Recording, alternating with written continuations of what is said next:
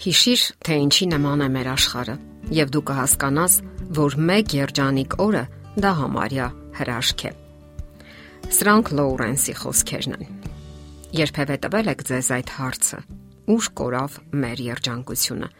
Որ երբ երեխա էինք, շատ երջանիկ էինք։ Յուրաքանչյուր օրը մեզ համար հայտնություն էր՝ սիրո, հարաբերությունների, պայծառ ապագայի։ Մենք կարողանում էինք ուրախանալ ամեն ինչով մեր ծնողներով, այգիներով, կարուսելներով, իսկ ծննդյան տոներն արդեն մեր երջանկության գագաթնակետն էին։ Երբ մեծանում ենք, այդ բոլորը կարծես մի կողմ է դրվում։ Ուր կորավ մեր երջանկությունը։ Ինչու մեծացանք, դարձանք մռայլ ու դժգոհ, փնթփնթան։ Սկսեցինք մեղադրել ամեն ինչին ու ամեն մեկին։ Եվ այնուամենայնիվ մենք շարունակում ենք որոնումները, եւ այն էլ ամբողջ կյանքում։ Այդպիսին է մարդը, որոնող եւ երբեք չհանգստացող, տապալվող եւ ոտքի կանգնող, հարվածներ ընդունող ու չպարտվող։ Նա միշտ շարժման ու ընթացքի մեջ է։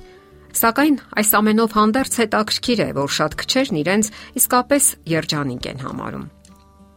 Եվ այնուամենայնիվ մարդը ջանք է թափում ամեն գնով հասնելու ներքին անդորի ու խաղաղության, որովհետև երջանկության ձգտումը նրա մեջ դրված է հենց արարչի կողմից։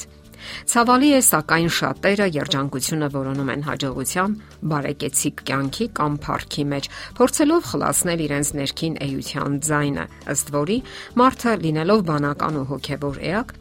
չի կարող բավականություն գտնել միայն նյութականի մեջ։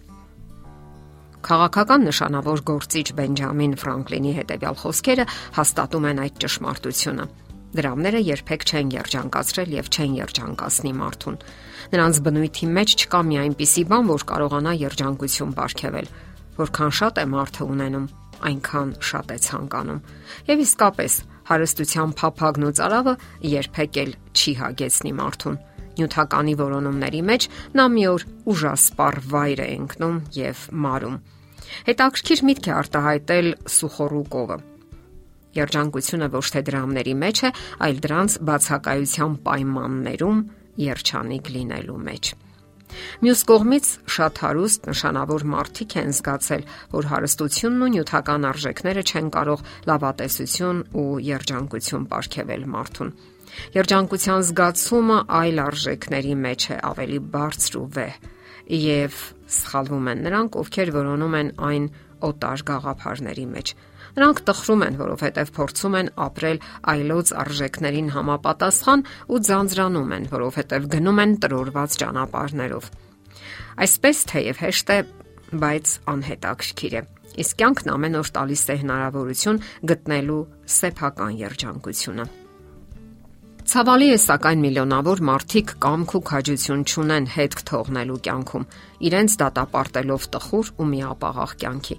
Շատերն ապրում են հենց այնպես, թույլ տալով, որ հանգամանքները կամ դիպվածը կամ այսպես կոչված ժամանակակից համընդհանուր ընդունված մշակույթը ձևավորի իրենց կյանքը։ Նրանց փոխարեն ուրիշներն են մտածում, ձևավորում նրանց մտածողությունն ու կյանքը։ Թվացial անկախության ներքո մարդն իրականում կորցնում է անկախությունը։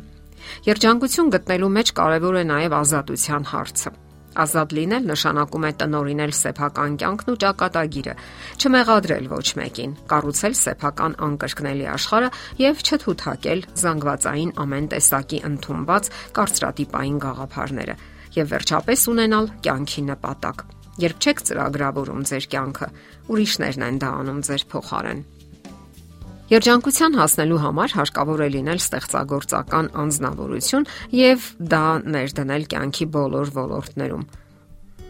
Ձգտեք հասկանալ ձեզ, ձեր անհատականությունն ու եզակի առաքելությունը։ Հասկացեք, թե ինչի եք ընդունակ դուք եւ դա իրագործեք կյանքում։ Ստեղծագործաբար ապրող մարդը երջանկության տարեր է մտցնում իր կյանքի բոլոր բնագավառներում՝ ամուսնություն, աշխատանք, մտավոր գաղափարական դաշտ եւ այլն անիմաստ գանգատներն ու դժգոհությունները, անշարժ մտահայեցումներն ու երկնային մանանային սпасելը միայն խորացնում են ճգնաժամը, որովհետև նույնիսկ բախտն է ճպտում ուժեղներին։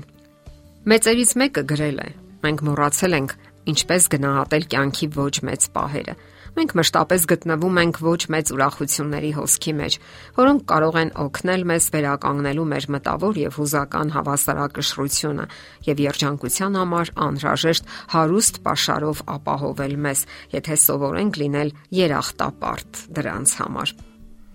Երջանկությունը կյանքի յուրաքանչյուր ակնթարթը ըստ արժանվույն պատշաճ գնահատելն է մարդկանց անկեղծորեն սիրելը, անկախ նրանց սոցիալական կարգավիճակից կամ բնավորության որակից։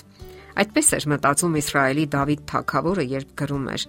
Թող գոհանան Տիրոջից նրա հրաշքների համար, որ արեց մարդկանց worthinerin։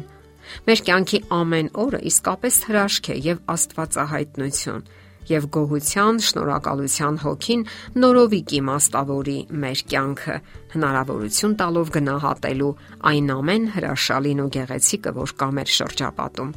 Հարկավոր է գիտակցել նաեւ սեփական եզակիությունը, որպես անկրկնելի անznավորություն Աստծո համար եւ նրա կամքն ու ծրագիրը հասկանալ յուրաքանչյուր մարդու համար։ Մինչ հասարակությունը գորշացնում է մարդուն եւ վերածում անդեմ միավորի, Աստված կարևորում է յուրաքանչյուր մարդու։ Մեծ տրամաբանություն պետք չէ հասկանալու համար, որ ի վերջո մարդուն երջանիկ դարձնել ի վիճակի չեն ոչ հասարակական բարեփոխումները, ոչ օրենսդրական բարեփոխումները, ոչ էլ սոցիալ-տնտեսական խնդիրները հաջողությամբ լուծելը։